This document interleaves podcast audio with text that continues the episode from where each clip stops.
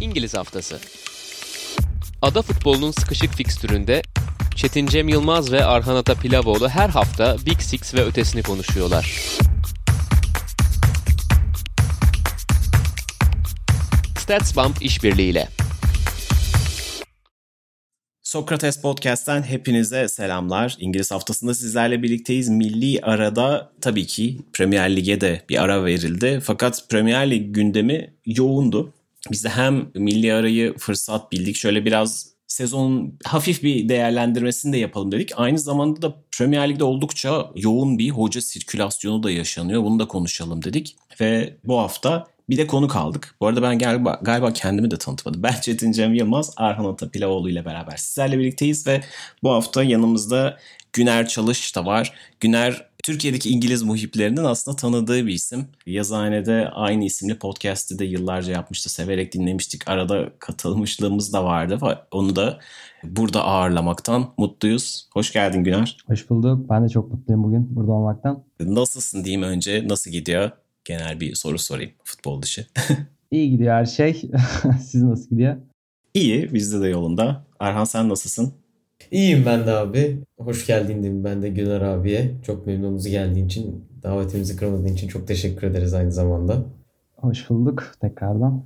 Şöyle bir giriş yapayım. Zaten biraz gündem kendisini dayattı. Premier Lig'de maç olmamasına karşın hoca değişimi birkaç haftadır sürüyordu aslında da. Şu ana kadar 5 tane teknik direktörle yollar ayrıldı. Aston Villa, Norwich City, Tottenham, Watford ve Newcastle hocalarını değiştirdiler ki sezonun bu aşamasında 17 sezondur yaşanmayan bir şeymiş. Yani Premier Lig için oldukça karakteristik olmayan bir durum.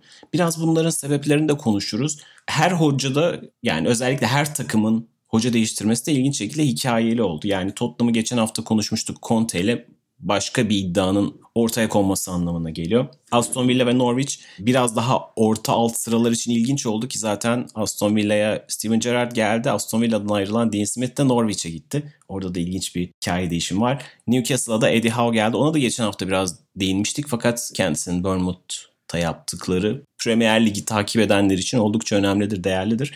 Biraz ondan da yine de kısaca bahsederiz. Aston Villa'dan başlayalım istersen. Aston Villa senin sevdiğin de takım ve iyi de bildiğin yer. Bir de Steven Gerrard olunca herkesin ilgisini daha da fazla çekti galiba. Biraz Grealish'in durumuna benziyor bence. Hangi anlamda? Yani, ya Grealish'in işte yükselişi bir anda ilgi oda haline getirmişti Aston Villa herkes açısından. Herhalde şimdi Gerrard'ın gelişiyle beraber bir tık daha böyle herkesin e, favori takımı olacak gibi geliyor bana. Hani herkesin derken daha çok ilgi çeken takım anlamında söylüyorum. Genelde evet insanlar... ilgin öyle bir dikkat çeken figür olacak. Gerçekten anlattığın gibi Grealish'in yükselişiyle beraber Aston Villa'ya daha fazla gözler çevrilmişti. Biraz Dean Smith'in ayrılması da bu profil yükselmesiyle mi alakalı oldu sence? Sen Dean Smith'in ayrılmasını birazcık sanki erken bulanlardansın değil mi? Ya şöyle şimdi hatırlarsın mesela Leicester'ın şampiyon olduğu dönemde de e, Ranier'in özellikle kovulması iki biçimde görülmüştü. Hani bir yani böyle bir şampiyonluk yaşatan hocayı nasıl bu kadar kolay kovabiliyorsunuz gibi bir görüş de vardı. Bir, bir, bir tarafta yani takım gerçekten kötü gidiyor. İşte bu kadar kötü giderken artık futbol bu profesyonellikte e, bunu kaldırmıyor. Hani atılması gereken bir adım şeklinde düşünenler vardı. Ben aslında mesela o dönemde hatırlıyorum kendi yaptığım yorumu. Yani mesela Ranier'in kovulmasının gayet haklı demeyeyim ama normal anlaşılabilir ve aslında biraz yine haklı bulduğum da bir şeyden onu da söyleyeyim. Belki işte Aston Villa'yı bu kadar hani yakından böyle sempatiyle takip etmesem ama Dean Smith'in gönderilmesi konusunda da belki benzer bir yorum yapabilirdim ama işte biraz daha böyle subjektif bakınca hani bir iç buruklu oluyor tabii. Hani onun sebebi de şu yani Dean Smith hakikaten Aston Villa için birkaç açıdan önemli bir hocaydı. Birincisi işte aynı Grealish'in durumunda olduğu gibi bir e, kulüple bağlantısının olması. Yani artık çok bilinen bir hikaye aslında özellikle Premier Ligi yakından takip edenler için. İşte Dean Smith'in mesela babası da bir e, koyu Aston Villa taraftarı. Aston Villa'nın Avrupa şampiyonu olduğu bir dönem var. O dönemde işte finali izlemeye Rotterdam'a gidiyor vesaire. Hani o derece sıkı bir taraftar. Daha sonra işte kendisi Alzheimer hastası oluyor ve hatırlayamıyor Dean Smith'in mesela Aston Villa'nın başına geçtiğini falan böyle güzel hikayelerin olduğu bir dönemdi ve Dean Smith gerçekten hani çok bunların dışında da önemli bir rol üstlenmişti. Çünkü Aston Villa hani Premier Lig'den düştükten sonra oldukça sıkıntılı bir dönem geçirdi gerçekten. Yani hem zaten kurumsal kimliğini kaybetmiş bir takımdı. Zaten kaybettiği için Premier Lig'den düşmüş bir takımdı. E, Championship'te de bunu toparlayamamış ve tepe taklak giden bir takımdı aslında. Hani oradan takım şampiyonşipin orta sıralarındayken işte takımı alıp Premier Lig'e çıkaran, daha sonra kötü bir ilk yarı geçirmesine rağmen Premier Lig'de tutan falan bir hoca Dean Smith. Yani bence daha fazla zaman tanınabilecek biriydi ki hani nitekim daha önceki sezonlarında da böyle kötü dönemler yaşayıp e, daha sonra onu toparlayan bir hoca oldu. Yani yine o güveni veren de bir isimdi. Ve bununla beraber yani Aston Villa çok önemli bir oyuncusunu kaybetti. Grealish gibi ve üzerine çok fazla transfer yaptı. Hani o anlamda da zaten takımın böyle iniş çıkışlar yaşaması normaldi açıkçası. Yani yönetim gerçekten Dean Smith'in varlığına güveniyor olsaydı hani bu tökezlemeyi aşabileceğine inanıp ona o zamanı verecekti ama zaten ona olan güvenin çok da fazla olmadığını bu ilk tökezlemede gönderilmesinden anlıyoruz diye düşünüyorum ben. Hani o anlamda da böyle daha sempatik bir figür olması özellikle Villa taraftarları açısından gönderilmesi de biraz can sıktı öyle söyleyebilirim sana. Bunu geçen haftaki son programda da konuşmuştuk. Şimdi teknik adamlara sabır gösterilmesi gittikçe tabii ki daha da lüks halini alıyor. Gittikçe daha az teknik adam bundan faydalanabiliyor. Şimdi kritik bir ayrım oluyor. Bazı durumlarda işte dışarıda bir fırsat varsa, daha iyi bir hoca varsa ona gitmek. Mesela işte Tottenham'ın Conte'de yaptığı gibi ya da daha iyi bir örnek Chelsea'nin Tuchel'da yaptığı gibi. Ya da 5 sezon önce Liverpool'un Rodgers'tan çıkıp Klopp'a gitmesi gibi ben hikayeler olabiliyor. Verecektim. Tam örneği. Hani hani bazen bazı kulüplerde bu durum yaşanabiliyor. Fakat mesela şu anki Arteta'ya bakınca da gayet kovulabileceği noktalar olmasına karşın şimdi arkasında durdu, durduğu için Arsenal hani doğru karar vermiş gibi görünüyor. Teknik adamlara artık hani o takımla beraber inip çıkma şansı hiç verilmiyor gibi görünüyor. Dean Smith de biraz galiba bu kısalan döngülerin kurbanı oldu gibi görünüyor. Çünkü oldukça aklı başında başlamıştı Aston Villa bu sezona da sanki. Yani Grealish'i sattı ama yerine işte koydukları parçalarda bir hani klişe bir tabir ama futbol aklının varlığına işaret ediyordu. Dean Smith zaten birkaç sezon içerisinde tek bir golle ligde kalan bir takımdan bahsediyoruz yani. O takımı dönüştürmeyi başarmıştı. Yani birkaç tane e, o süreci de yaşamıştı. Yine bir fırsat verilebilirdi gibi geliyor sanki ama işte bu da futbolun herhalde günümüzde geldi işte gerçeklerinden bir tanesi. Ya bence orada mesela senin verdiğin Arteta örneği çok iyi bir örnek olabilir. Çünkü Arteta'ya gerçekten Arsenal yönetimi yatırım yapmış durumda. Yani Arteta'nın çok çok daha kötü dönemleri oldu. Bu sezon başında çok kötü bir dönem oldu. Ama orada kulübün hocaya olan inancını görebiliyorsun. Yani yatırım yaptığını görebiliyorsun. Dean Smith'in işte bu 5 maçlık mağlubiyet serisinin hemen ardından gönderilmesi aslında o inancın çok da kalmadığını gösteriyor. Daha doğrusu hani Dean Smith'in belki 2 sene önce bu kulüp için yeterli olduğunu ama artık yani el yükseltme ihtiyacı hissettiğini gösteriyor kulübün. O anlamda anlaşılır bir şey. Yani tekrar hani Ranieri örneğine gelecek olursam anlaşılabilir bir şey ama bir anlamda dediğim gibi hocanın hani kulüple kurduğu bağı düşündüğünde biraz da tabii can sıkıcı bir şey olabiliyor belli açılardan. Abi aslında benim de çok uzun süredir kendi içimde de tartıştığım konulardan bir tanesi bu. Hani bir kulüp teknik direktöre ne zaman ve ne kadar güvenmeli, ne kadar arkasında durmalı, niçin arkasında durmalı. Ya yani bu aslında bugünden bakınca Manchester United özelinde de söylenebilir. Antonio Conte getirebilme şansı varken Ole Gunnar Solskjaer'le yola devam etme güvenini hoca hissediyor mudur hissetmiyor mudur bilmiyorum ama ona tahsis etmeleri ya da Arteta örneğinde bahsettiğiniz gibi ya da işte negatif örneklerde bugün Dean Smith ya da Ranieri örneğinde olduğu gibi bir aslında tartışma konusu açabilirim buradan. Hani sizce bir kulüp hocaya ne açıdan ne kadar güvenmeli? Yani ne vaat etmeli ki hoca? Örneğin mesela Arteta bir proje vaat ediyor ya da Ole Gunnar Solskjaer bu takımı daha iyi yönetebilecek dışarıda bir hoca yok ve bize bir sistem model yerine bu şekilde yönetilmesini uygun görüyoruz. Bu projede de en uygun kişi o tarzında soruyorum aslında bunu bir bakıma da. Yani ne zaman ve ne kadar güvenme nereye kadar olmalı? Yani evet Jurgen Klopp'u getiriyorsanız siz ona 5 sene süre verebilirsiniz ama aynısı Arteta için geçerli mi? Ya da Solskjaer için geçerli mi ya da işte Dean Smith için geçerli mi? Bence bu zaman zaman karıştırılan ve zaman zaman değişimin şart olduğu yerlerde de pozitif sonuçların gelebileceği bir nokta. Örneğin Lampard örneği var elimizde. Evet belki biraz daha süre geçseydi başka şeyler olabilirdi. Ama Tuchel'in gelmesiyle birlikte Chelsea bambaşka bir takıma büründü. Bunun aynısı Arsenal için geçerli olabilirdi. Dışarıdan bir hoca gelseydi şu anki konuma o hoca getirebilirdi. Ama Arteta kaldı ve o da taşımayı başardı. Ya sizce o kriter, o kritik eşik burada ne? Benim hep düşündüğüm bir konu. Çünkü insanlar genelde ya evet sabredilmeliydi diyor. Örneğin Arteta Manchester City maçından sonra kovulsaydı belki öyle denmeyecekti ama bunu diyecek bir kesim olacağından da eminim. O kritik eşik sizce nedir? Ne için beklenmeli ve ne zaman beklenmeli? Ben sözü alayım mı? Yoksa Çetin sen mi söyleyeceksin? Ya bence burada genel bir formül ortaya koymak çok kolay olmayabilir. Ben o yüzden e, daha ziyade her kulübün kendi çözümlemesini yapmak gerektiğini ve ona göre bir yorum yapmak gerektiğini düşünüyorum. Yani onu da şöyle söyleyeyim. Mesela Solskjaer tercihinin ortaya çıkaran bir süreç var Manchester United'da. O da nedir? İşte en başta Moyes'un tercih edilmesi, oradaki kaotik süreç. E, daha sonra işte Luis van Gaal, Mourinho. Yani kulübün kendi aslında kimliğinden uzaklaştığına yönelik bir anlatı oluşması, işte Solskjaer'in bunu tekrar tahsis etmesi, o dönemlerdeki e, iniş çıkışlar ve buna bağlı olarak da artık kulübün e, çok fazla değişim yapmaya istememesi gibi bir durum var. Yani mesela Solskjaer'in gönderilmemesindeki temel ilk sebep bence bu olabilir. Yani United'ın tekrar o eski şaşalı günlerini hatırlatan bir isim olması. Evet bir bu var. Ama belki öncesinde böyle 6-7 yıllık karışık bir dönem olmasaydı e, bu kadar da süre verilmeyebilirdi. İşte örnek veriyorum. E, mesela Solskjaer haklı kılan böyle bir sebep var. İşte başka örneklere gelecek olursak mesela Lampard'ın kovulması sonrası ben yine şaşırmadım söylemiştim. Haklı ol, gördüğümü de söylemiştim Chelsea yönetimini. Çünkü işte Chelsea'nin de ben yine yakından takip ettiğim kulüp aslında. Yani Abramovich'in işte onun sağ kol diyebileceğimiz Granovskaya'nın nasıl kafasını çalıştığını iyi kötü anlayabildiğimi düşünüyorum. Ve onlar da aslında Lampard'ı zaten bir geçiş hocası gibi düşünmüşlerdi. Yani çok belliydi bence.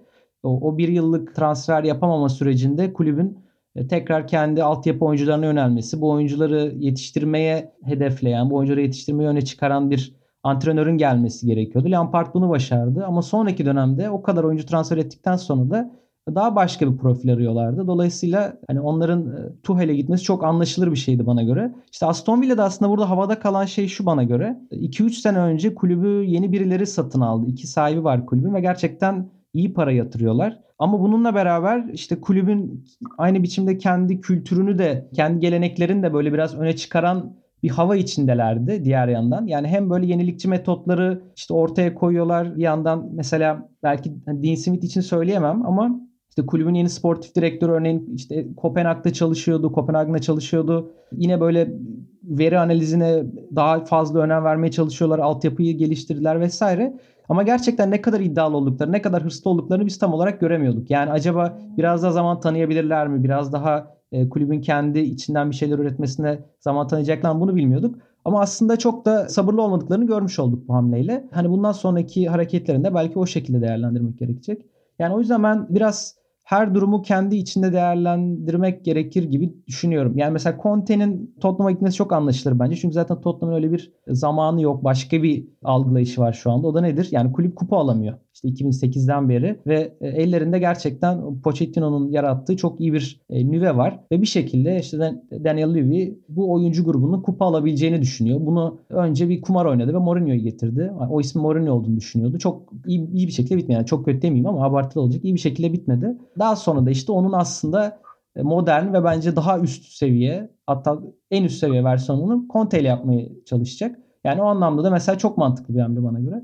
Yani o yüzden belki de her kulübün kendi içinde bulunduğu konumu anlamayı ve ona göre bir yorumda bulunmayı gerektiriyor. Hocanın gerçekten zamana ihtiyacı olup e, olmadığını söylemek. Bana göre bilmiyorum anlatabildim mi ama çok mu uzattım onu da bilmiyorum. Yo doğru katılıyorum ben de bu arada. Yani tek bir tane çözüm yok. Yani hep sizin de hatta ikinizin de ayrı ayrı sosyal medyada vurguladığınız şey muhabbeti var ya. Bir Türk hoca, bir Türk takımı bir hoca bulduğunda hemen Türk bizim kulübümüzün Alex Ferguson olacak açıklamasını yapıyor ve o zehirli ok oluyor ve tabii ki yani futbol tarihinde zaten bir tane Alex Ferguson var. Yani Alex Ferguson'ımız olacak diye bir insanla yola çıkamazsın. Alex Ferguson görevinde ilk kupasını, ilk şampiyonluğunu alana kadar geçen 6 yılda çektiği işte kan ter gözyaşını Türkiye'de kolay kolay şey yapacak bir kulüp yok. Kolay kolay değil yok yani günümüz futbolunda herhalde dünyada da yok. O kadar iddialı olup da 6 yıl boyunca tek bir kupa almadan arkasında duracak olan başka bir zamandan bahsediyoruz tabii ki. Alex Ferguson da ben bu kulübün Alex Ferguson olacağım diye yola çıkmıyor zaten. Neticede hani her şey arkasında duruluyor ve bazen hiç beklemediğiniz bir şekilde hikaye kendi kendini yazmaya başlıyor. Şimdi Liverpool da aslında kendi çıkış noktasında 2012'de Brandon Rodgers'a gittiğinde orada da niyet aslında uzun vadeli bir yapı kurmaktı. Brandon Rodgers da çok genç bir takımdan beklenenin de üzerinde bir performans aldı. 2013 galiba pardon. 2012-13. Ve Brandon Rodgers bir sezon ikinci sezonda çok sürpriz şekilde çok üst düzey bir Luis Suarez ve çevresinde olan işte Coutinho, Sturridge performanslarından da ve Sterling performanslarından da yardım alarak o takımı hani şampiyonlukta son haftaya kadar götürdü. Çok kimsenin beklemediği bir başarıydı ve çoğu kişinin kafasında Liverpool'da bir yapı kuruluyor vardı. Ertesi sezon bunun arkası gelmeyince ve boşta Jurgen Klopp olunca hemen Liverpool'un sahipleri olan FSG Klopp'a gitti. Çok, son derece sürpriz bir karardı o dönem için ve bu oldu. Yani Liverpool'un başındaki yöneticiler uzun vadeli bir plan istediklerini biliyorlardı ve buna yönelik hamleler yaptılar. Yani Mourinho'ya gitmediler ya da işte o dönemin yine bir başka pro, pragmatik hocası. O zaman tabii bu kadar yükselişte değildi ama Conte gibi bir isme gitmediler. İstedikleri şey uzun vadeli planlardı. Şimdi ama İngiltere'de bunu söylemesi kolay ama iki tane hala böyle kulüp var. Teknik adamın her şeyin üstünde olduğu en azından görünürde Guardiola ve Klopp. Manchester City ve Liverpool. Yani Tuchel için bile bunu söylemek için çok erken çünkü Tuchel Bence başarısız bir periyod yaşadığında yani, ne olacağını Ch- bilmiyoruz. Chelsea'nin yapısından dolayı. Evet Chelsea'nin dinamiklerini de düşününce durmaz yani. Evet sadece o çok iyi bir başlangıç yaptı. Geçen sezon Şampiyonlar Ligi finalini kaybetmiş olsaydı Tuchel. Ligi de biraz kötü bitirmişti hatırlarsınız. İşte ilk dördün dışına düşüyordu falan filan. Bütün o süreçler içerisinde belki de yani yeni sezona başlardı. Ama bu kadar krediyle başlamazdı. Haliyle dinamikler değişiyor. Tottenham örneğinde biraz e, konuyu çok dağıttım da. Pochettino mesela bunu Tottenham'da yapan hocaydı. Tottenham'ı gerçekten aldı ve bir yere getirdi. Şampiyonlar Ligi finali oynayacak seviyeye geldi. Tottenham bunları kolay kolay yapabilen bir kulüp değildi. Evet kupa kazandıramadı ama da gerçekten kulübün profilini yükseltti. Elindeki oyunculardan maksimumu aldı. Onları süperstarlara çevirdi. Ve kötü bir yıl yaşadı. O kötü yılın içerisinde aslında Şampiyonlar Ligi finali de oynadı ama o da olmadı. Haliyle yeni sezonun başında işlerde iyi gitmeyince kovuldu. O dönem için pek çok kişi, onu çok sevenler de dahil, çok seven Tottenham taraftarı, takip ettiğim hesaplar falan dahil bunun artık kaçınılmaz olduğunu söylüyordu. Geçen sezon Jack Pitbrook The Athletic'te çok güzel bir yazı yazdı. Çok kafa açıcıydı aslında. O da Tottenham yazarı ve acaba dedi her şeye rağmen Pochettino kalmalı mıydı? Pochettino'nun bir döngü daha başlatmasına izin verilmeli miydi? Çünkü bunu Guardiola'dan hareketle söylüyor. Guardiola'nın devraldığı daha sonra ilk başarılarına ulaştığı takımın şu anki takımdan aslında oldukça farklı olduğunu biliyoruz. Artık başka bir Manchester City var 3-4 sezon öncekinden. Ve Guardiola'nın bir döngüyü tamamlayıp yeni bir tanesine başlamasına izin verildi. Tabii bunu kazandığı kupalarla hak etti de Guardiola. Fakat 2019'da yine gelen şampiyonluk vardı. 2020'den sonra evet bu adam miadını doldurdu deyip gidebilirdi başka bir kulüp. Başka bir kulüp yollarını ayırabilirdi. Artık bu oyuncularla olmuyor falan filan diye. Hani o meşhur Aralık ayında West Brom'la 2-2 berabere kaldıkları ve zirvenin 10 puan gerisine düştükleri hafta gerçekten kovulabilirdi. Başka bir kulüpte kovulurdu da gerçekten. Ama o döngüyü yeniden başlatmasına izin verildi. Bunu kolay kolay yapacak kulüp İngiltere'de de yok, dünyada da yok ama bunu tabii Guardiola kadar hak edecek, vaat edecek hoca da az. Bence orada işte ikili ilişkiler de öne çıkıyor. Yani Guardiola ile zaten Manchester City'nin sportif direktörleri işte Wegerstein'ın, Soriano'nun arası çok çok iyi olduğu için yani bunu kayırıyorlar anlamında falan söylemiyorum. Yani iki taraf birbirini çok iyi anlıyor ve zaten e, hani beklentinin ne olduğu çok iyi tanımlanmış durumda bence. Yani orada kopuyor zaten meseleler diye düşünüyorum.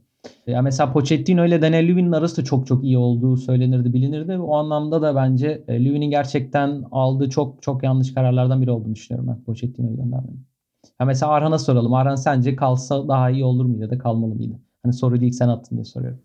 Yani benim düşüncem bu hani Ferguson özelinde de söyledik bunu. 2021'de Ferguson gibi bir modelden de öte 6-7 sene aynı kulüpte çalışabilmek bence çok çok zorlu bir süreç. Yani bu sayabileceğiniz örnekler işte Guardiola, Klopp aklıma başka geliyor mu diye şu an düşünüyorum. Bundesliga'da yok, Serie A'da yok, Lig 1'de zaten bulması zor. Yani bu saydığımız iki teknik direktör de dünyanın en iyi iki teknik direktörü şu an güncel olarak. Pochettino'yu kovmak yanlış bir karardı bence de. Ama bir döngü daha döndürebilecek ekonomik ve beklenti açısından bunu başarabilir miydi Tottenham ondan da çok emin değilim. Yani birkaç transfer dönemi geçirmesi gerekiyordu. Çünkü kadronun yenilenmesi gerekiyordu. İşte Eriksen'in şikayetleri, Kane gidecek mi kalacak mı muhtemelen o zaman da e, gündemde olacaktı. Belki Pochettino olsaydı kalırdı net bir şekilde onu tam bilmiyorum ama evet doğru değildi bence de. Fakat bugünden de bakınca bu döngüyü çok rahat bir şekilde döndürebilmek de kulüpler için bence çok kolay değil. Yani o sirkülasyonu çok emin olduğunuz kişilere emanet edebilmek ve bunu da hadi biz her şeyi değiştiriyoruz diyerek yapabilmek bence kolay değil. Ya o yüzden Manchester City ve Liverpool örnekleri burada değerli. Yani Manchester City bir sirkülasyona giderken yazın kim alacağı, Ocak'ta kim alacağı ve kimin gideceği aşağı yukarı belli oluyor. Aynı şey Liverpool'da da geçerli. Yani Konate transferin ilk günlerinde alınıyor ya da kimin gideceği aşağı yukarı belli oluyor. Wijnaldum özelinde olduğu gibi. Bu tarz bir yapı kurmak gerçekten çok elit teknik direktörlere emanet edilebilecek bir şey. Bu Pochettino'nun elit teknik direktör ol, olmadığını söyleyen bir şey değil. Ama Tottenham gibi sabırsız belli açılardan bir kulüpte bunu yapabilecek ya krediye sahip de evet ama futbolda artık öyle değil bence. Yani 6-7 sene bir kulüpte çalışabilmeniz için çok çok çok dar bir kümeden bahsediyoruz teknik direktör açısından bence. Ya bugün Tottenham Conte ile de zaten hani Conte profil gereği zaten çok uzun süreler devam etmiyor tamam. Ama o tarz başka bir elit teknik direktör gelse de bence 6-7 sene devam etmesi mümkün olmayan bir kulüp. Diğer tarafta Chelsea örneğinde de işte Tuchel örneğinde verdiniz siz de. O da keza öyle. Pazarı bir düşünüyorum. Kim olabilir Premier Lig'de şu an bir takımın başına geçecek ve 6-7 sene boyunca bir yapı kuracak. O yapıyı devam ettirecek. City'nin yaşadığı gibi, Liverpool'un yaşadığı gibi çalkantılı sezonlarda seneye devam edeceği garanti olacak.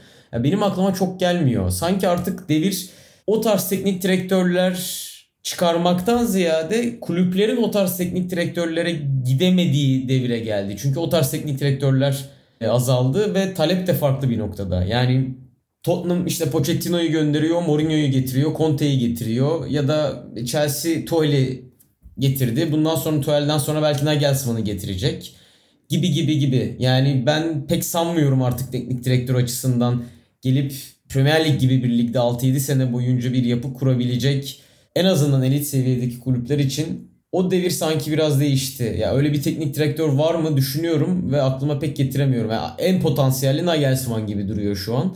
Ama o da bunu başarabilir mi, gelir mi ondan da çok emin değilim açıkçası. Ben senin sorunu son şöyle cevaplamak istiyorum aslında dedin ya süreyi kime vermeliyiz, neye göre belirlemeliyiz diye. Aslında bence oradaki en önemli parametre beklenti olarak söyleyebiliriz. Yani onun net bir tanımını yapman lazım ve kulüpler aslında yapıyor bunu. Yani bu hocayı getirdik. Neden getiriyoruz? Beklentimiz nedir? Yani örnek vereyim. Pochettino'dan gidelim. Pochettino'yu getirirken e, Tottenham'ın Daniel Levy'nin aklındaki şey şuydu. Yani bu birebir daha sonra yaptıkları açıklamalardan da okuduk. Zaten görülebilecek bir şeydi. Yani gözlem anlamında da anlaşılabilecek bir şeydi. Tottenham o sırada yeni bir stadyum inşa edecekti. Bu yüzden daha az para harcaması ve kendi değerlerine yönelmesi gerekiyordu. Pochettino da bu özellikleriyle Southampton'ın öne çıkmış bir hocaydı. Onun oradan kulübün ondan beklediği de işte takımı ilk 6 sıra potasında tutmak, Avrupa kupalarına götürmek, o sırada da belli oyuncu satışları yapmaktı. Pochettino tabii bunun çok çok üstüne çıktı ve kulübü çok acayip bir seviyeye getirdi gerçekten. Ama o acayip seviyeye getirmesiyle beraber bu sefer Daniel Levy farklı bir beklenti oluştu takımda. Bu sefer Tottenham'ın yeni hedefi, yeni beklentisi sahip olduğu hocanın oyuncu grubuna bir kupa kazandırmasıydı ve Pochettino'nun bunu yapamayacağının ortaya çıkmasıyla beraber aslında onun gönderilmesi hani İngilizce ta, şeyle tabirle justify edilmiş oldu. Bilmiyorum anlatabildim mi? Aynı şey mesela Lampard özelinde söyleyebilirsin. Yani getirilmesinin sebebi belliydi. Daha sonra kulübün yeni bir beklentisi oluştu. O da nedir? Tamam transfer yapamadığımız dönemi bitirdik. Artık yeni bir gerçekliğe büründük. Çok fazla yeni oyuncumuz var. Çok zenginiz tekrar. Ve bunları çok daha iyi kullanabilecek yeni bir antrenöre ihtiyacımız var. Ve bunu da Lampard yapamıyor. O zaman artık ona zaman vermemeliyiz gibi. Senin örnek verdiğin işte Manchester City ve Liverpool gibi kulüplerde hocaya zaman vermelerinin bana göre bir sebebi hatta en önemli sebebi de zaten ellerinde dünyanın en iyi hoca, hocasına sahip olmaları. Yani hani Pochettino ve Klopp işte yani City atıyorum şey Pochettino diyorum. Guardiola ve Klopp. Yani örnek veriyorum City zaten Guardiola'yı gönderse kimi alabilir? Hani bir de öyle bakmak lazım. Yani zaten e, Manchester City'nin hedeflediği şey yani dünyadaki en göze hoş gelen veya en dominant futbolu ortaya çıkarmak sahip olduğu kaynaklarla ve onların inancına göre haklı da bir inanç. Yani bu oyunu en iyi yönetebilecek insanın dünyada e, Guardiola olduğunu düşünüyorlar. Dolayısıyla da aslında Guardiola'nın en iyi çalışabileceği ortamı sürekli tekrar tekrar tahsis etmeye çalışıyorlar. Böyle bir durum var. Yani o yüzden aslında onun biraz sonsuz da bir zamana sahibi zaman sahibi olduğunu söyleyebiliriz. Hani diğer kulüplerde bunun bu kadar olmamasının bir sebebi de kulüplerin her sene beklentilerinin değişiyor olması. Yani örnek veriyorum işte Leicester City e, şu an Brandon Rodgers bir yapıya girdi. O da nedir? İşte orta sıra kulübü iken onları hakikaten böyle bir top 6 kulübü haline getirdi baktığında Brandon Rodgers. E, hani bir hedef yükselttiler. Ama yeri gelecek ki artık bu hedefleri Brandon Rodgers kaldıramazsa yani işte Leicester yıllık gelir seviyesi atıyorum Tottenham seviyesine gelen her sene ilk 5'i ilk 6'yı zorlayan bir takım haline gelirse belki onlar da bir sonraki aşama olarak Conte gibi bir hocaya gidebilirler. Böyle bir gerçeklik ortaya çıkarttı. İşte o noktada diyeceğiz ki e, işte Rodgers de miadını doldurdu gibi. Yani bence biraz böyle bakabiliriz. Hani hem zaman verme konusuna hem de günümüzde neden hocaların çok fazla kalamadığını. Çünkü günümüzde bence koşullar çok hızlı değişiyor. Yani eskiden biraz da e, bu kadar hızlı değişmiyordu bence. Belki güç dengeleri, genel olarak dünyanın hızı hani bunları da söyleyebilirsin. Yani kulüplerin böyle beklentileri yoktu. İşte e, ne bileyim Charlton'da Alan Kirbish'i diye bir hoca vardı. Zaten Charlton'ın beklentisi işte 15 ile 7. sıra arasında kalmak, kendi kendini döndürebilmek, yeni oyuncular çıkarmak falandı. Ama şimdi günümüzde mesela 14. sıradaki bir Premier Lig kulübünün bile bence hedefi ve beklentileri 6 ayda bir hatta bir senede bir değişiyor. Yani mesela bunu ben hani Wolverhampton örneği üzerinden vereyim. İşte Nuno Espirito Santo bir futbol oynattı, bir şeyler yaptı vesaire. Ama ikinci, üçüncü yılın sonunda o futbol anlayışı bile miadını doldurduğu için hocayı göndermek durumunda kalıyorlar. Böyle bir örnek verebilirim. Yani o anlamda da hani çok fazla, çok sık biçimde antrenör değişikliği yaşandığını görüyoruz. Hani bunların bir kısmı işte haklı gerekçelerle, bir kısmı haksız gerekçelerle diyebiliriz. Ama hani bence orada en bakılacak parametre de dediğim gibi beklenti olabilir. Yani bu kavram üzerinden değerlendirebiliriz gibi geliyor bana. Yani kulüp ne bekliyordu, ne buldu? Buna göre e, ne yaptı diye. Ha son şunu söyleyeyim. Bence mesela Pochettino'nun gönderilmesi neden çok yanlıştı? Hani az önce söylediğim e, Klopp'la Guardiola örneği gibi. Yani bence Tottenham'ın sahip olabileceği en iyi hoca açıkçası hala da. Yani e, hani Conte belki kupa kazandırabilir ama hani belki de 2-3 sene sonra kulübü bıraktığında Pochettino'nun bıraktığı kadar iyi bir nüve bırakmayabilir. Hani örnek veriyorum. Yani tabii bunlar çok farazi şeyler ama yani Pochettino bence o tekrar yapılandırma zamanını da hak eden biriydi. Ee, hani o anlamda da bence Lüvi yanlış bir karar verdi diye düşünüyorum ki zaten çok da iyi oldu söylenemez genelde. Hoca tercihlerini onu da yakından hani böyle takip edenler bilir. Yani Pochettino'nun ilk defa böyle bir jackpot'u vurmasıydı diyebilirim ben. O anlamda da belki biraz hırslarının kurbanı oldu bilmiyorum. Abi aslında çok güzel bir yere değindin. Bu beklentilerin bu kadar fazla dinamik olmasının sebebi oyunun da bence çok dinamikleşmesi. Yani e, örnek verelim Tottenham değil de bu sene orta sıralardan bir Premier Lig takımı konferans kupasına, konferans ligine katılıyor olsaydı o takımın orada evet Premier Lig'de belki Avrupa'daki takımın ligdeki başarısı daha önemli olabilir ama oyunun da çok fazla dinamikleştiği için çok fazla oyuncu sirkülasyonu, çok fazla maç sirkülasyonu, çok fazla kupa sirkülasyonu olduğu için ister istemez o kupada başarısız olmak da bir yerden sonra insanların canını sıkacaktı ve beklentilerini ona göre ayarlaması gerekecekti taraftarların. Yani Mourinho'nun Tottenham'dayken e, şey sözü vardı. Aslında benim başarılarım benim lanetim diye. Çünkü bu zamana kadar çok başarılı bir hocaydı. Evet tamam çok fazla kupa kazandı. Ama mesela lig kupasını kazanması onun için bir şey ifade etmiyor. Her ne kadar anlatıyı oraya çekmeye çalışsa da Mourinho işte ben Tottenham'da kupa kazanacaktım izin vermediler diyor doğru. Ama aslında lig kupasını mı kazanması gerekiyordu Mourinho'nun? Belki de sorulması gereken soru bu. O beklentiler de dediğin gibi her gün farklı şekilde değiştiği için bir yerde işte düşük maliyetle yüksek verim almak ilk etap. ikinci etapta bir şekilde kupa kazanmak. Çünkü kupa sayısı inanılmaz fazla artık. Ya konferans ligi lig kupası, FA Cup e, ya da konferans liginde yarı final vesaire herhangi bir bir yerde farklı bir başarı isteği de ortaya çıkıyor. Manchester City ve Liverpool özelindeki beklentilerin statik olmasının sebebi de bence hocaların bahsettiğin gibi bir zaten Manchester City'nin beklentisi artık Premier Ligi kazanmaktan ziyade Şampiyonlar Ligi'ni kazanmak. E bunu da bir örneği var. Benzer e, organizasyonda durmadan hoca değiştirerek de çok rahat bir şekilde olmadığını gördüler. Daha da iyi bir hoca getiremeyeceklerini sen de söyledin zaten. Orada hem hocalar evet dünyadaki en iyi iki teknik direktöre sahipler hem de beklentiler de bence çok dinamik değil onlarda. Yani ne yapabilir Liverpool bundan daha fazla? E zaten Şampiyonlar Ligi'ni kazandılar son 5 sene içerisinde. Final oynadılar. Premier Ligi kazandılar. E bu beklenti işte Premier Ligi bir daha kazanmak. Şampiyonlar Ligi'ni bir daha kazanmak. Bunu daha iyi yapabilecek bir hoca var mı dışarıda? Yok. Ya da Manchester City'ye bakıyoruz. Premier Lig kazanma evet statik bir beklenti. Zaten olacak gibi ya bu sene ya sonraki sene. Şampiyonlar Ligi'ni kazanmak yine benzer. O yoldalar. Yani bu kulüplerin beklentileri de aslında bence sabit bir bakıma. Evet eldeki hocalar çok iyi olduğu için belki öyle görüyoruz. Ama diğer kulüplere nazaran yani aslında birbiriyle orantılı. Bu hocalar sahip oldukları için bence beklentiler sabit kalabiliyor. Çünkü zaten oraya getirebilecek en iyi hocalar onlar.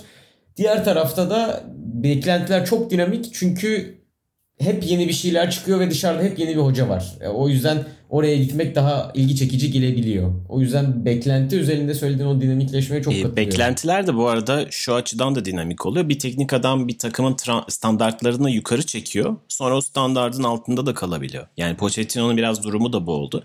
Şimdi Pochettino'yu seviyoruz ve gerçekten hani ben de aynı fikirdeyim. Keşke Tottenham yollarını ayırmasaydı. Onun biraz daha çalışmasına, bu oyuncularla daha fazla zaman geçirmesine, onları tekrar kazanmaya, kazanmasına fırsat verseydi.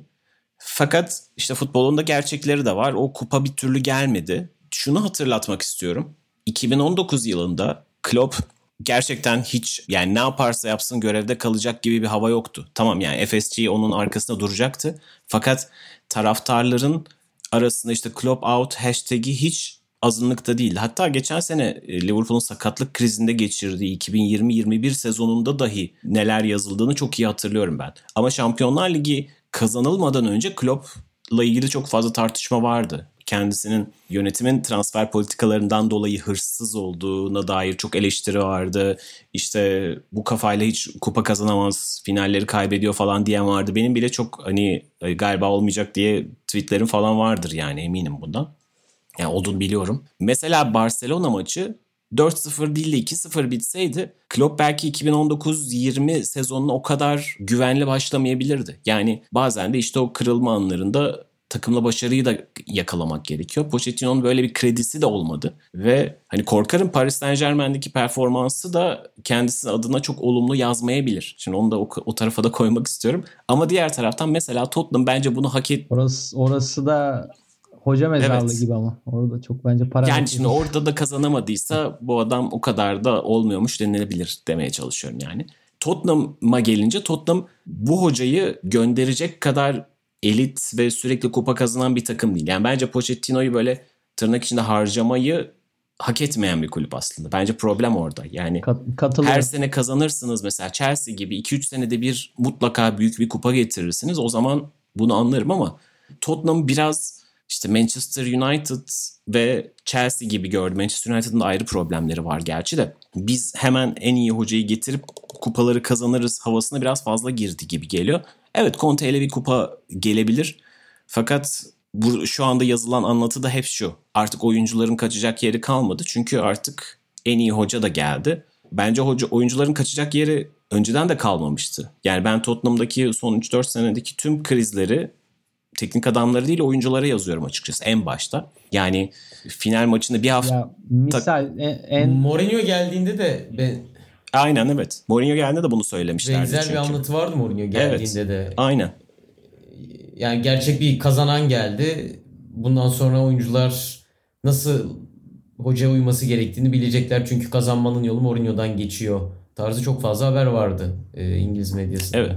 ya örnek vereyim. İşte Tangu Tangu Endombele Pochettino oynatamadı falan dendi. İşte Mourinho aslında bence iyi verim aldı ama yine yok. Hani Santo'yla e, Nuno Espirito Santo'yla olmadı. E Demek ki oyuncuda da bir sıkıntı var. İşte keza Dele Alli Pochettino'nun son döneminde verim alamıyordu ama sonraki hocalarda da olmadı. Yani belki de oyuncu grubunun zaten değişmesi gerekiyordu. Yani o da normal bir süreç aslında. Yani bu 7-8 senedir beraber olan bir oyuncu grubundan bahsediyoruz. Yani her neyse hani belki de isterseniz yavaş yavaş artık güncele de gelebiliriz. İsterseniz sırayla hem Conte'den hem Eddie Howe'dan hem Dean Smith'ten hem Steven Gerrard'dan da biraz bahsedelim. Ne dersiniz? Olur isterseniz Steven Gerrard'dan konuşup Aston Villa'yı kapatmış olalım. Gerçi hani o hala açık parantez diye düşünerek. Tamam.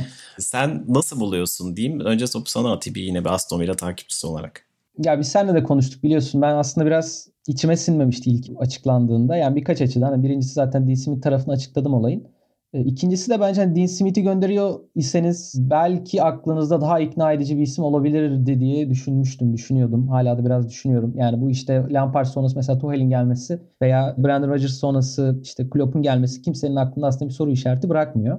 Ama hani Gerrard o ismi ben çok emin değilim açıkçası. Yani bu Gerrard kötü bir antrenör veya işte gelecek vaat etmeyen bir antrenör demek değil ama e, hani Rangers'ta kazandıkları ve orada gösterdikleri bir yana bence o kadar da o seviyede bir antrenör değil yani en azından onu herhalde kesin olarak söyleyebiliriz. Yani burada aslında Gerrard'ın gelmesinin en önemli sebebi Gerrard'ın o futbolculuğundan da bildiğimiz hani lider figürünün farklı kendine has aurasının aslında antrenörlüğüne de e, yansımış olması. Bu çok net. Çünkü yani size de biraz yayından önce bahsetmiştim. Dean Smith daha yumuşak bir antrenör ve anladığımız kadarıyla Dean Smith'in oyuncularla biraz daha işte sesini yükseltemiyor oluşu. Aslında biraz daha hani standartları belirlemek diye bir tabir vardır İngilizce'de. O standartlarının anladığım kadarıyla bir tık daha düşük oluşu ve işte Gerrard'ın standartlarının daha yüksek, oyunculardan beklentilerin daha yüksek olması, daha tırnak içinde otoriter mi diyeyim artık hani daha disipliner biri olması belki de villa yönetimini cezbeden şeyler oldu açıkçası. Yani bir de aslında güzel bir noktaya değinmiş. Ben epey de, epey de bir yazı okudum tabii Gerard'ın gelişinden sonra. Hani biraz basında taramış oldum. İşte Oliver Kane bir yazısı The Athletic'te. E, onun vurguladığı bir şey var. Yani Dean Smith gelmeden önce e, bu Aston Villa yönetiminin ilk gittiği isimlerden biri de Thierry Henry'di. Bunu söylüyor. Ama Henry onları reddedip Monaco'ya gittiği için daha sonra Dean Smith'e gidiyorlar.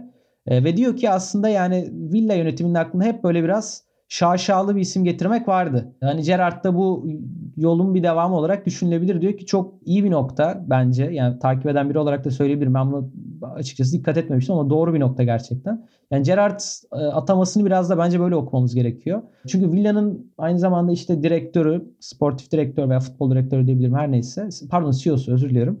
E, Christian Purslow eski bir Liverpool çalışanı. Sen çok daha bilirsin Çetin. Bu hani Roy Hodgson da mesela Liverpool'a getiren isimdi. Hani e, çok inanılmaz futboldan anlayan mı diyeyim artık çok hani futbolla da çok öne çıkan biri değil futbol görüşleriyle gidip işte City'deki Begiristain, Soriano'lar gibi öne çıkan biri değil daha ziyade işin ekonomik yönüyle, idare yönüyle, insan yönetimiyle öne çıkan biri Christian Purslow ve Gerrard'la da ilişkilerinin çok iyi olduğu biliniyor, biliyoruz. Yani aslında Purslow'un getirmek istediği, çalışmak istediği bir isim Steven Gerrard.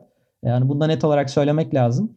E, burada da aslında biraz Aston Villa içinde fraksiyonlar var. Yani diğer kulüplerde de vardır illaki ama hani bunu medyada çıkan isimlerden de çok net görebiliyoruz. İşte Aston Villa'nın mesela bir sportif direktörü var Kopenhagen'dan gelen Johan Lange. Kendisi Danimarkalı ve e, Aston Villa'nın aslında böyle bir e, veri analizi şeyi de var yani kolu da var. Dean Smith de zaten biliyorsunuz Brentford kökenli bir hoca. Uzun süre Brentford'da çalıştı. Daha sonra işte bu sene Aston Villa'ya gelen bir duran top antrenörü var. O keza bu ekibin bir parçası olarak düşünülebilir. Oradan gelme biri. E, bunu niye anlatıyorum? Mesela adı geçen hocalardan bir diğeri de Kasper Hulman'dı. Danimarka milli takımının hocası. O neden e, işte Johan Lange'nin gençliğinde beraber çalıştı ve çok yakın olduğu bir arkadaşı. Yani hem Hulman adı geçiyor mesela hem Steven Gerrard adı geçiyor. Hani buradan da aslında farklı fraksiyonların olduğu, farklı kişilerin etkisinin olduğunu e, karar almada görüyoruz. Ama mesela burada demek ki Purstov'un e, tercihi bir adım daha öne çıkmış ve ya bu bir anlamda bence iyi. Çünkü işte programın biraz başına da bahsettim. Yani yönetici ile antrenörün birbirini iyi anlıyor oluşu, iletişimin iyi seyretmesi gerçekten önemli bir şey. Kulübün daha sonraki aşamalarında da.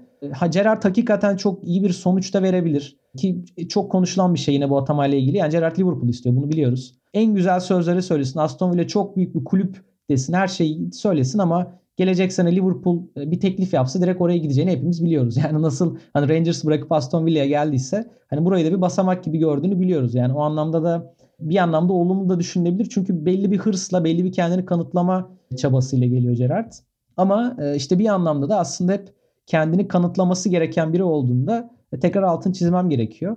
Yani bunun ben biraz oyun stilinden ziyade hani bunu şundan söylüyorum. Genelde Şöyle yazılar da vardı işte Gerrard 4-3-3 oynatır. iki tane 10 numara oynatır. Topu geri kazanmaya önem verir. Klopp ekolü falan. Yani evet taktik detaylardan da bahsedebiliriz ama ben olayın taktik detaylardan ziyade bu biraz daha insan yönetimi, biraz daha eski usul sebeplerden öne çıktığını düşünüyorum açıkçası. Hem Purslow'un tercih olması e, hem de kulübün daha iddialı ve kendini kanıtlamaya ihtiyacı duyan böyle yüksek ağırlı bir isim getirme ihtiyacıyla ilgili olduğunu düşünüyorum e, Gerard Atamas'ın. Ee, umarım da iyi olur. Bakalım yani işte en başında da söyledik programın insanların ilgisini de buraya çevirecek bir ölçüde öyle gözüküyor. Evet öyle görünüyor. Kısa Liverpool pası attın onu alayım. Hep 2024'te Jurgen Klopp'un sözleşmesi bitiyor. Yani Jurgen Klopp'la tabii ki Klopp istediği sürece devam eder gibi görünüyor şu anda Liverpool. Fakat e, Jurgen Klopp'un ara ara hep ben yoruldum, sözleşmem bitince uzatmayı düşünmüyorum gibi açıklamaları oluyor. Kendisiyle ilgili kitap yazmış olan Honigstein da hani kafasında o 2024 tarihinin boş olmadığını söylemişti zamanında. O bir çünkü 2024 işte Dünya Kupası döngüsü, Avrupa Şampiyonası döngüsü olduğu için hani sonrasında Almanya için çalışmak istiyor demişti ki kendisinin hani kendisine çok yakın isimlerle bir kitap yazdığı için boş değildir yani bu duyum. Gönlünde yatan aslan Almanya. Tabii şu anda Almanya'da Hansi Flick iyi bir başlangıç yaptı. 2024'te muhtemelen görevini bırakmıyor olur falan filan. Ama birkaç sene öncesine kadar senaryo hep buydu. Gerrard da Rangers'la kontratını 2024'e kadar yapmıştı ve bunun da bir noktada Klopp'un arkasından Liverpool'un teknik adamı olmak için yapıldığı hep söylenir yani. Ya staja geldi aslında dürüst olmak gerekirse. Yani o noktada 2024'te nasıl Rangers'ın kapısını Aston Villa çaldığında Gerrard kabul ediyorsa o noktada Liverpool'un ihtiyacı olursa evet gelir ama bu çok özel bir durum. Yani Steven Gerrard Liverpool için çok özel bir figür. Fakat aradan geçen yıllarda Liverpool'un hani Gerrard'ın bıraktığı Liverpool değil bu. Eğer Liverpool o zamanki kadar hani iddiası daha düşük hani böyle altıncılıklarda, yedinciliklerde, beşinciliklerde dolanan bir kulüp olsaydı Gerrard'a çok daha fazla koşarak ihtiyacı, koşarak sarılırdı. Şu an aslında biraz Frank Lampard'ın geleceği Evet, gelinen yani. noktada Steven evet. Gerrard'ın artık kendisini kanıtlaması gerekiyor. Yani Liverpool'un teknik adamı olması için. Yani 3 sene içerisinde çok şey değişebilir tabii ki ama ya da hani Klopp bırakana kadar öyle bir durum var. Aran sen bir şeyler söylemek ister misin? Tam senin söylediğin bir şey geldi aslında. Gerard biraz taş atmış ya birilerine. Hak ederek gelmeniz gerekiyor falan diye.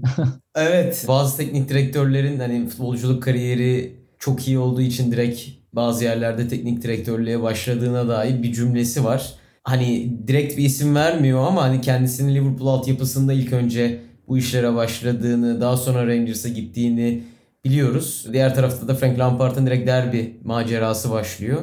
O açıdan bakınca bir taşta var gibi gerçekten. Bence de ama yaptığı kariyer e, hamlesi, kariyer yolu çok daha mantıklı Lampard'tan.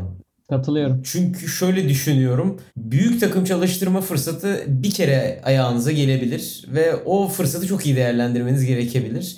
Lampard'ın hani siz de bahsettiniz o geçiş hocası olacağı çok belliydi. Yani çünkü derbiden hiç kimse sizi Timo Werner'le şu anki Chelsea'ye gelemez Lampard derbiden. Tıpkı Gerrard'ın şu an Aston Villa'ya geleceği ama Liverpool'a gelemeyeceği gibi. O yüzden büyük çerçevede bakınca sanki çok planlı bir şekilde Liverpool'u isteyerek, orayı tırmalayarak geliyor Gerrard. Rangers'ta e, şampiyonluk kazanması. Çünkü ne olursa olsun e, büyük kulüplerde buna bakıyor. Kupa alma ve farklı bir durum. Bunu e, İskoçya'da yapması, Celtic dominasyonunu kırarak başarması ne olursa olsun çok değerli bir durum. Üstüne Premier Lig'de de kendini kanıtlayabilirse ki bunu yapmak iyiden iyiye işi alabilmesine ön ayak olabilir. Bu çerçevede bakınca zaten kurduğu cümle e, Lampard'ı hedefliyor mu hedeflemiyor mu bilmiyorum ama günün sonunda e, Norwich'le adı geçiyordu Lampard'ın. O da olmadı. Chelsea'den sonra orta sıralara düşeceğini bekliyorduk. İyiden iyiye küme düşme ihtimali olan bir takıma düştü. İsmi orada geçiyor. Belki sezon içerisinde orta sıralardaki bir takıma tekrardan gelebilir ama sanki Gerrard'ın kafasında o altyapıda başladığı günden bu yana birebir aynı tabii ki takımlar olmasa da aşağı yukarı bu yol haritası belliymiş gibi hissetmeye başladım ben artık e, bu Aston Villa adımıyla birlikte. Kesinlikle katılıyorum. Yani Lampard'a göre çok daha planlı programlı emin adımlarla gidiyor o kesin. Yani Lampard biraz böyle amiyane tabiyle kabaca söylüyorum da biraz daha çıkın oynayınca bir hocaydı açıkçası. Yani onu dürüst söylemek lazım. Yani ta, hani taktikten anlamaz şeklinde değil de e, biraz daha eski tip, biraz daha belki Mourinho vari oyunculara özgürlük tanıyan stilde bir hocaydı. Gerrard'ın da daha sistematik çalıştığını kendisine dair hem yazılan yazılarda hem ekibinden falan anlıyoruz yani o net. Ama dediğim gibi yani ben bu atamanın işte teknik taktik özelliklerinden ziyade pek çok parametre var tabi ama vaat ettikleriyle ilişkili olduğunu düşünüyorum. Hani öyle söyleyeyim. Ki bir de mesela Yulman'a bakınca hani yine genç karizmatik o ağırlığı olan bir profil gibi geliyor bana yine. Yani Euro 2020'de özellikle o Eriksen'le yaşanan olayları idare ediş biçimini de bir bakıma düşününce evet farklı 200 gibi gözüküyor olabilir ama ana çerçevede talep sanki tabii, tabii. bir ağırlığı olan bir karizması olan bir hocaya gitmekmiş sanki. Ya diyorum ya ben hani size o şekilde söyledim. Efendi olduğu için çok efendi olduğu için Dee Smith'i biraz beğenmiyorlardı sanıyorum. Biraz daha güçlü bir karakter istiyorlar gerçekten kulübeden. Çok kısa bir parantez açıp hani Frank Lampard'a hani çok yüklendik birazcık şeytanın avukatlığını yapayım burada. Frank Lampard'ın ben yine Chelsea döneminde de iyi dokunuşlar da gösterdiğini düşünüyorum. Belki de problem şuydu. çok çabuk geldi bu göreve. Yani herkesin de zaten kanısı buydu da hani derbide bir sezon yaşadı ve Premier Lig'in sınırına kadar geldi. Gerçekten hani o da bir başarıydı. Fakat iyi bir dalganın üzerindeyken atlama yapmak başka bir şey. Steven Gerrard'ın aslında belki de avantajı artıları da yaşadı, eksileri de yaşadı. Yani bir teknik adam olarak iyi şeyler yaşamak, başarılar yaşamak önemli. Fakat kriz anlarını nasıl yöneteceğinizi bilmek de önemli. Yani Rangers belki hani insanlara çok önemli gelmeyebilir İskoç Ligi'nde şampiyonluk. Fakat hani ne kadar olsa 9 yıl aradan sonra Celtic'in 9 yıllık serisini bitiriyor. Bu çok önemli bir şey. Aynı zamanda inişleri çıkışları da oldu. Yani kazanamadıkları bir sezon oldu. Avrupa Ligi'nde 3 sezon oynadılar. İkisinde son 16'ya kadar çıktılar. Yani hani o tırnak içinde setback dedikleri hani başarısızlıkları da yaşamak aslında bir teknik adamı olgunlaştıran şey. E, az önce konuştuğumuz şey teknik adamların büyük takımlarda neden kredisi olmuyor? Çünkü yani o ilk başarısızlık sizi işinizden edebiliyor. Fakat o kriz anlarına nasıl reaksiyon göstereceğinizi bir şekilde öğrenmişseniz, tecrübe etmişseniz haliyle bunlara daha dayanıklı olabiliyorsunuz. Gerard'ın evet büyük avantajı bu olacak bence. Hani 3 sezon geçirdi Rangers'ta ve artıları eksileri oldu, başarıları oldu. Bence bu önemli olacak. Buradan pası birazcık da Newcastle'a atayım isterim ben açıkçası. Hani hoca değiştiren kulüplerin hepsini az çok konuştuk ama Newcastle'ı konuşmadık. Eddie Howe nasıl bir hamle oldu sence? Ben son bir parantez de açabilir miyim? Aklıma geldi şimdi o kadar konuştuk söylemeden etmeyin diyorum. Brandon Rodgers da e, hatırlarsın yani Celtic'te benzer bir yol izleyip Leicester'a geçti ve daha sonra aslında e, belki Pep Guardiola giderse atıyorum City için gelebilecek isimlerden biri olarak falan geçiyor. Yani bu yolda aslında biraz belirginleşti. Hani onu da söylemek lazım. Yani İskoçya Ligi'nde şampiyonluk, Premier Lig'de orta sıra kulübüyle başarı. Öyle. Daha sonra kendini büyüklere atmak hani böyle bir yolda oldu. O yolunda bir e, benzeri devamı gibi gözüküyor şu anda. Öyle. Eddie Hava tekrar döndüreyim seni.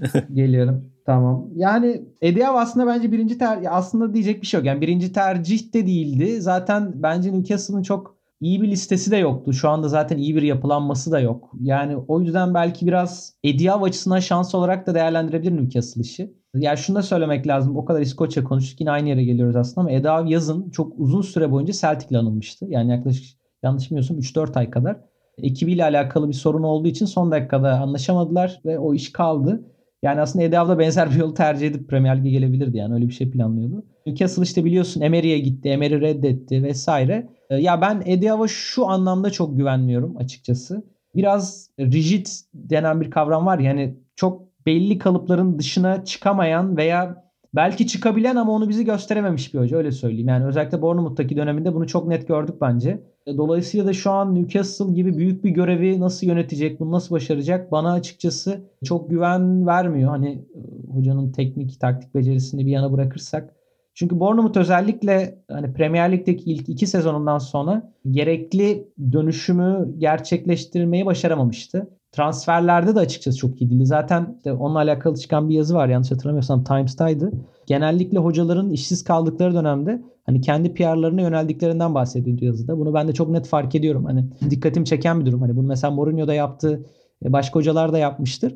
Eddie Howe ise tamamen kendini geri plana atıp kendini işte denetlemeye giriştiği, nerede yanlış yaptım, neleri doğru yapabilirdim bunları incelemeye giriştiğinden falan bahsediyor. Yani umarım iyi sonuçlar çıkarmıştır. Pochettino da mesela bir benzerini yaptı. Çünkü bana açıkçası Bournemouth'un son iki sezon, son üç sezondaki Edav çok da ışık vermiyor e, Newcastle görevi için. Bilmiyorum siz ne düşünüyorsunuz?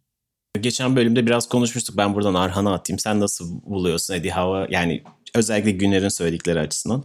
Abi ben hani Newcastle için doğru isim midir değil midir tartışmasından ziyade geçen bölüm Eddie Howe'ın kaybedecek hiçbir şey olmadığı yönünde yani Howe açısından bence pozitif bir gelişme olarak nitelendirmiştim ben. Çünkü e, zaten Premier Lig'de alıcısı olan bir isimdi. Üstüne üstlük şu an burada bir başarı yakalarsa iyi deneye bu talebi sağlamlaştıracak.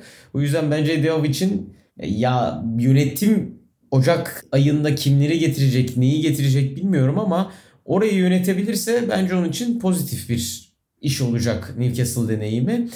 Bournemouth'taki tecrübelerini buraya ne kadar getirecek o bahsettiğin çok güzel bir nokta abi. Hatta o Mourinho'nun Roma işini sadece 5 gün eski başarılarını Instagram'da paylaşarak aldığı söyleniyordu. Öyle bir haber görmüştüm ben de.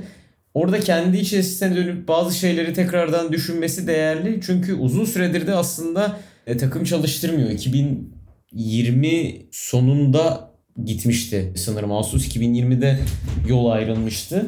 O yüzden bugünden bakınca bence tekrardan dönmesi ve bu kadar uzun süre çalışmaması neredeyse bir buçuk sene kadar değerli bir nokta. Ben bazı noktalarda ya o JIT konusuna şu şekilde katılıyorum, şu şekilde katılmıyorum. Yani bazı hocalar vardır, bazı şeyleri değiştirir ama değişiklikleri her zaman aynıdır.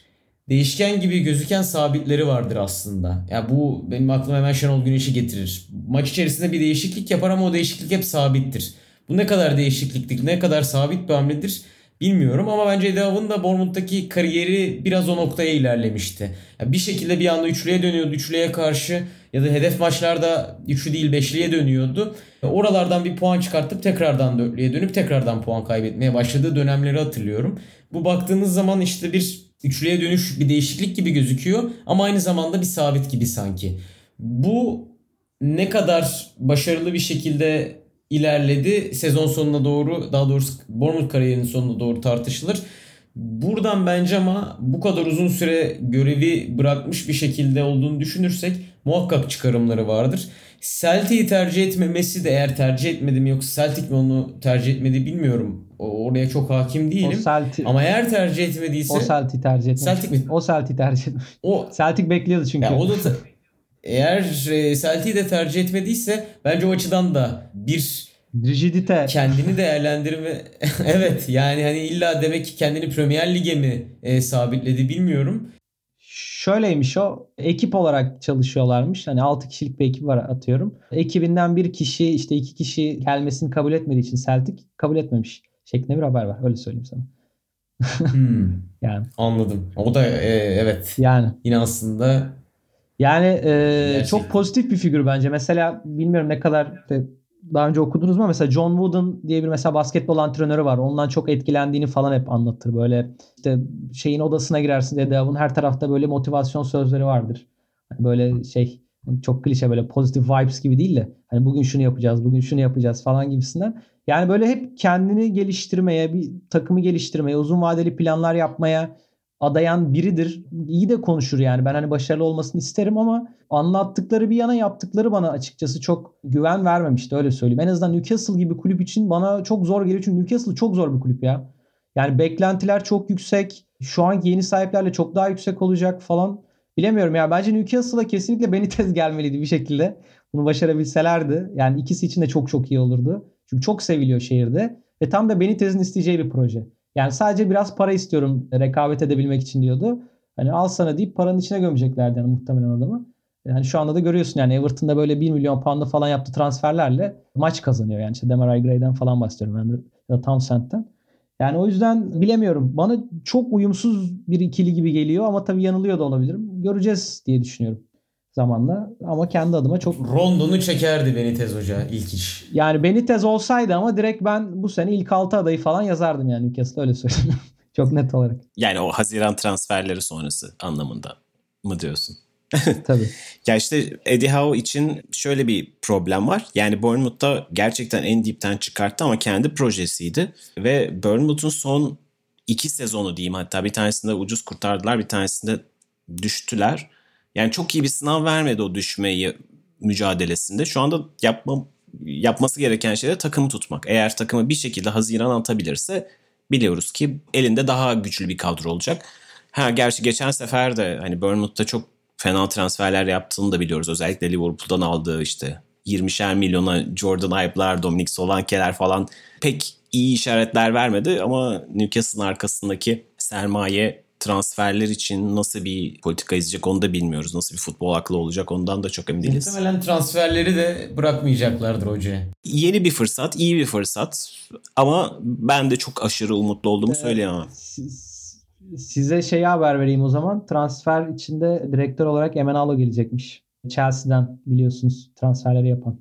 Kevin De Bruyne'leri falan bulan adam yani. En sonda o yüzden kalmaz gibi geliyor bana Eda Olabilir. Tam şu geldi aklıma. Liverpool'da da önemli bir gelişme oldu. Michael Edwards, Liverpool'da 10 yıldır çalışan sportif direktör. Geçen hafta sezon sonunda görevi bırakacağını açıkladı. İlk anda çıkan söylentilerde hemen o Newcastle'a mı gidiyor falan oldu ama kendisine yakın kaynaklar hemen bunu yalanladı. Newcastle'a gitmediğini söyledi.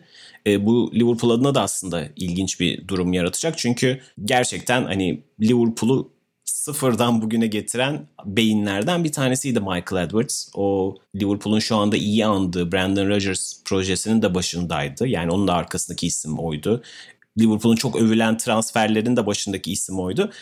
Dolayısıyla o gidecek mi falan bir an Liverpool Twitter'ını karıştırdı. Yani gidecek zaten şu anda ama onun kendi motivasyonu bir yerde 10 yıldan uzun çalışmama gibi bir kararmış ve hani döngünün sonuna geldim diye ayrılıyor. Ama gideceği adresin Newcastle olmayacağını söyledi. Şeyi hatırlıyor musun? O dönemde çok tartışılmıştı hatta Brandon Rodgers döneminde bir ara. Yani transferler konusunda özellikle. Yani onun da çok kolay geçmemişti ilk dönemleri. Onu evet doğru. Da. Doğru. Yani Firmino'nun da e, çok hatta hala hatırlatılan çok kötü bir Firmino ile ilgili bir şey var. Firmino'ya nasıl 28 milyon verdiniz diye yönetim karşısına çekip sormuş yani Michael Edwards ama birkaç yıl sonra gelinen noktada ona o paraya, ona o paraya almak çok büyük bir burgun gibi görünüyor. O zaman son olarak Norwich'te konuşup kapatalım mı? Hani Norwich'e çok değinemedik ama Dean Smith bence iyi bir tercih oldu onlar için. Evet ben de onu soracaktım. Orada son şey yapalım. Ee, kurtarabilir mi sence Norwich'i? Ligdeki hani en zor durumdaki takım. Ya ben bence kurtarabilir. Tüm program boyunca konuştuklarımızı şöyle bir tekrarlarsam beklenti neydi, nereden geldi gibisinden mesela. Neden Farke'yi kovdular?